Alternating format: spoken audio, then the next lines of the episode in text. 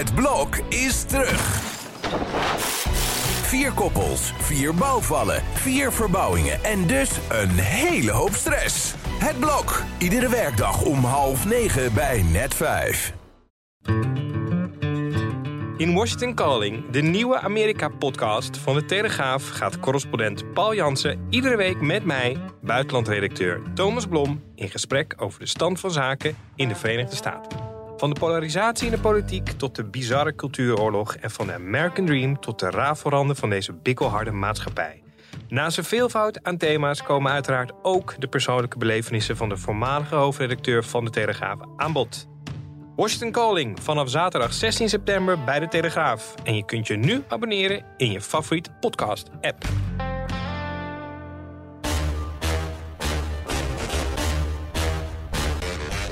Dit is Strik Privé. De dagelijkse showbiz-update met Evert Zantegoeds en Wilson Boldewijn.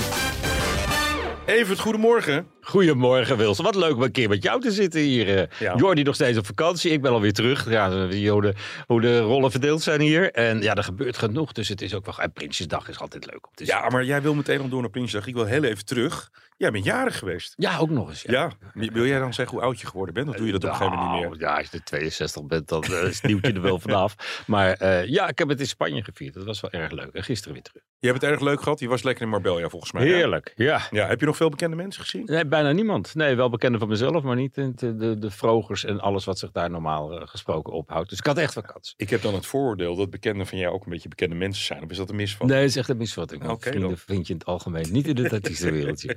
In het algemeen, zeg ik. Je zei het net al, het is de derde dinsdag van september. Ja, En eh, ik heb het eerste hoedje al gezien die ik vanochtend zag op, eh, mooi. op Twitter of X. Wat moet ik nou zeggen tegenwoordig? X, hè? X. En over Twitter ophouden zo langzamerhand.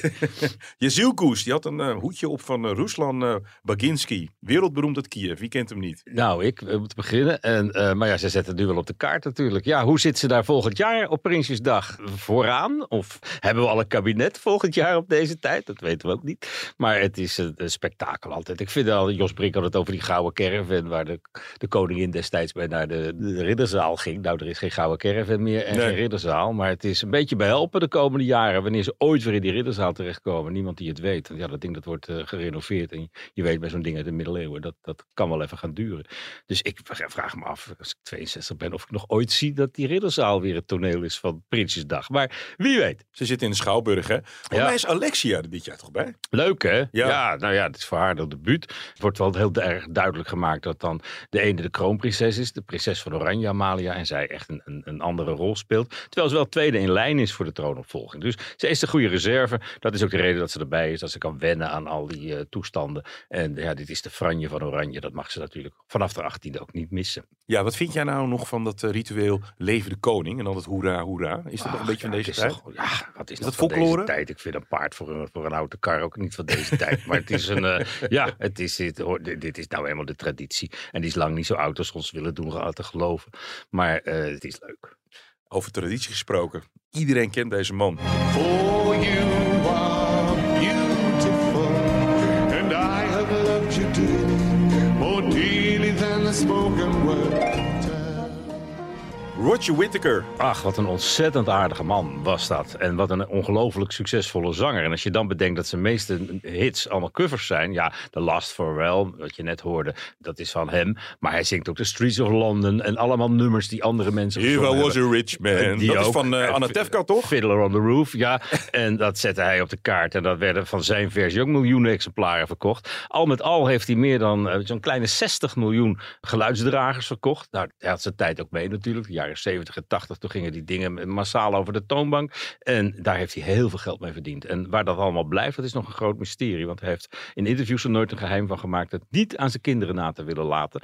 Want eh, ja, die hadden al genoeg gehad, zei hij. En die moesten Ja. maar voor zichzelf gaan zorgen. Op privé was het helemaal niet een spannende man. Hij is gewoon, geloof ik, getrouwd ergens ooit in de Ja, jaren er zijn wel 60. de, na- de nodige drama's in zijn leven. Zijn, zijn ouders zijn vermoord bijvoorbeeld eh, in Kenia, waar zij woonden. En dat is een groot litteken gebleven, omdat de daders nooit gepakt zijn. En hij ervan overtuigd was dat het in Kenia ook helemaal niet de bedoeling was dat hij eh, gepakt zou worden.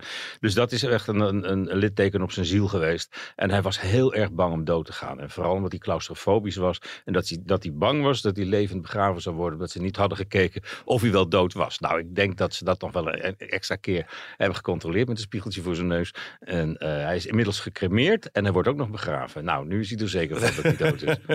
Hij wordt in ieder geval niet levend begraven. Het is overigens een angst die ik soms ook wel eens een beetje heb. Dat is door die, door die film Het Gouden Ei, weet je wel. Dat die Ja, uiteindelijk- ja, vreselijk. Daar heb ik dat ook door. Tim Dat Krabbe. dat is echt zo'n- dat is echt zo'n nachtmerrie. Ja, nu geven we bijna de clue weg. maar goed, die film is wel wat ouder. Wat ik nog wel eventjes eh, wil zeggen. Ook Corrie Konings heeft een van de grootste hits te danken aan Roger Whittaker, toch? Is dat zo? Schön war die Ja, ja, dat is waar. Ja. ja. Ja, ja, letterlijk vertaald. Mooi was die tijd. Ja. Dan wil ik alleen nog slot nog even van jou weten. Waarom worden sommige artiesten nou in Duitsland zo legendarisch? Want hij was dat. Eigenlijk veel meer dan Engeland nog. David Hasselhoff is ook zo iemand die, die echt in Nederland wel eens een hitje gehad heeft. Maar in Duitsland een grote ster blijft. En, Ja. en Nana Mouskouri en Vicky Leandros. Die allemaal niet uit Duitsland komen. Maar al hun liedjes in Duits zijn gaan zingen. Omdat het een enorme markt is. En eh, ja, het Duitse publiek is heel erg trouw aan, aan zijn idolen. En als je eenmaal een ster bent, dan blijf je daar ook een ster. Dus dat moeten ze aangesproken hebben. Die grote omzetten, die grote zalen die ze hebben. Die hallen waar je concerten kan geven door het hele land. Ja, dat is een aantrekkelijke markt. En heel veel mensen, onder wie Roger Whittaker, hebben daar dankbaar gebruik van gemaakt. Maar de laatste jaren was het wel heel erg stil rond. hem. 87 is hij geworden. 87 is hij geworden en eh, hij is er niet meer. Maar zijn nummers zullen voort blijven bestaan. Even dankjewel, tot morgen. Tot morgen, Wil.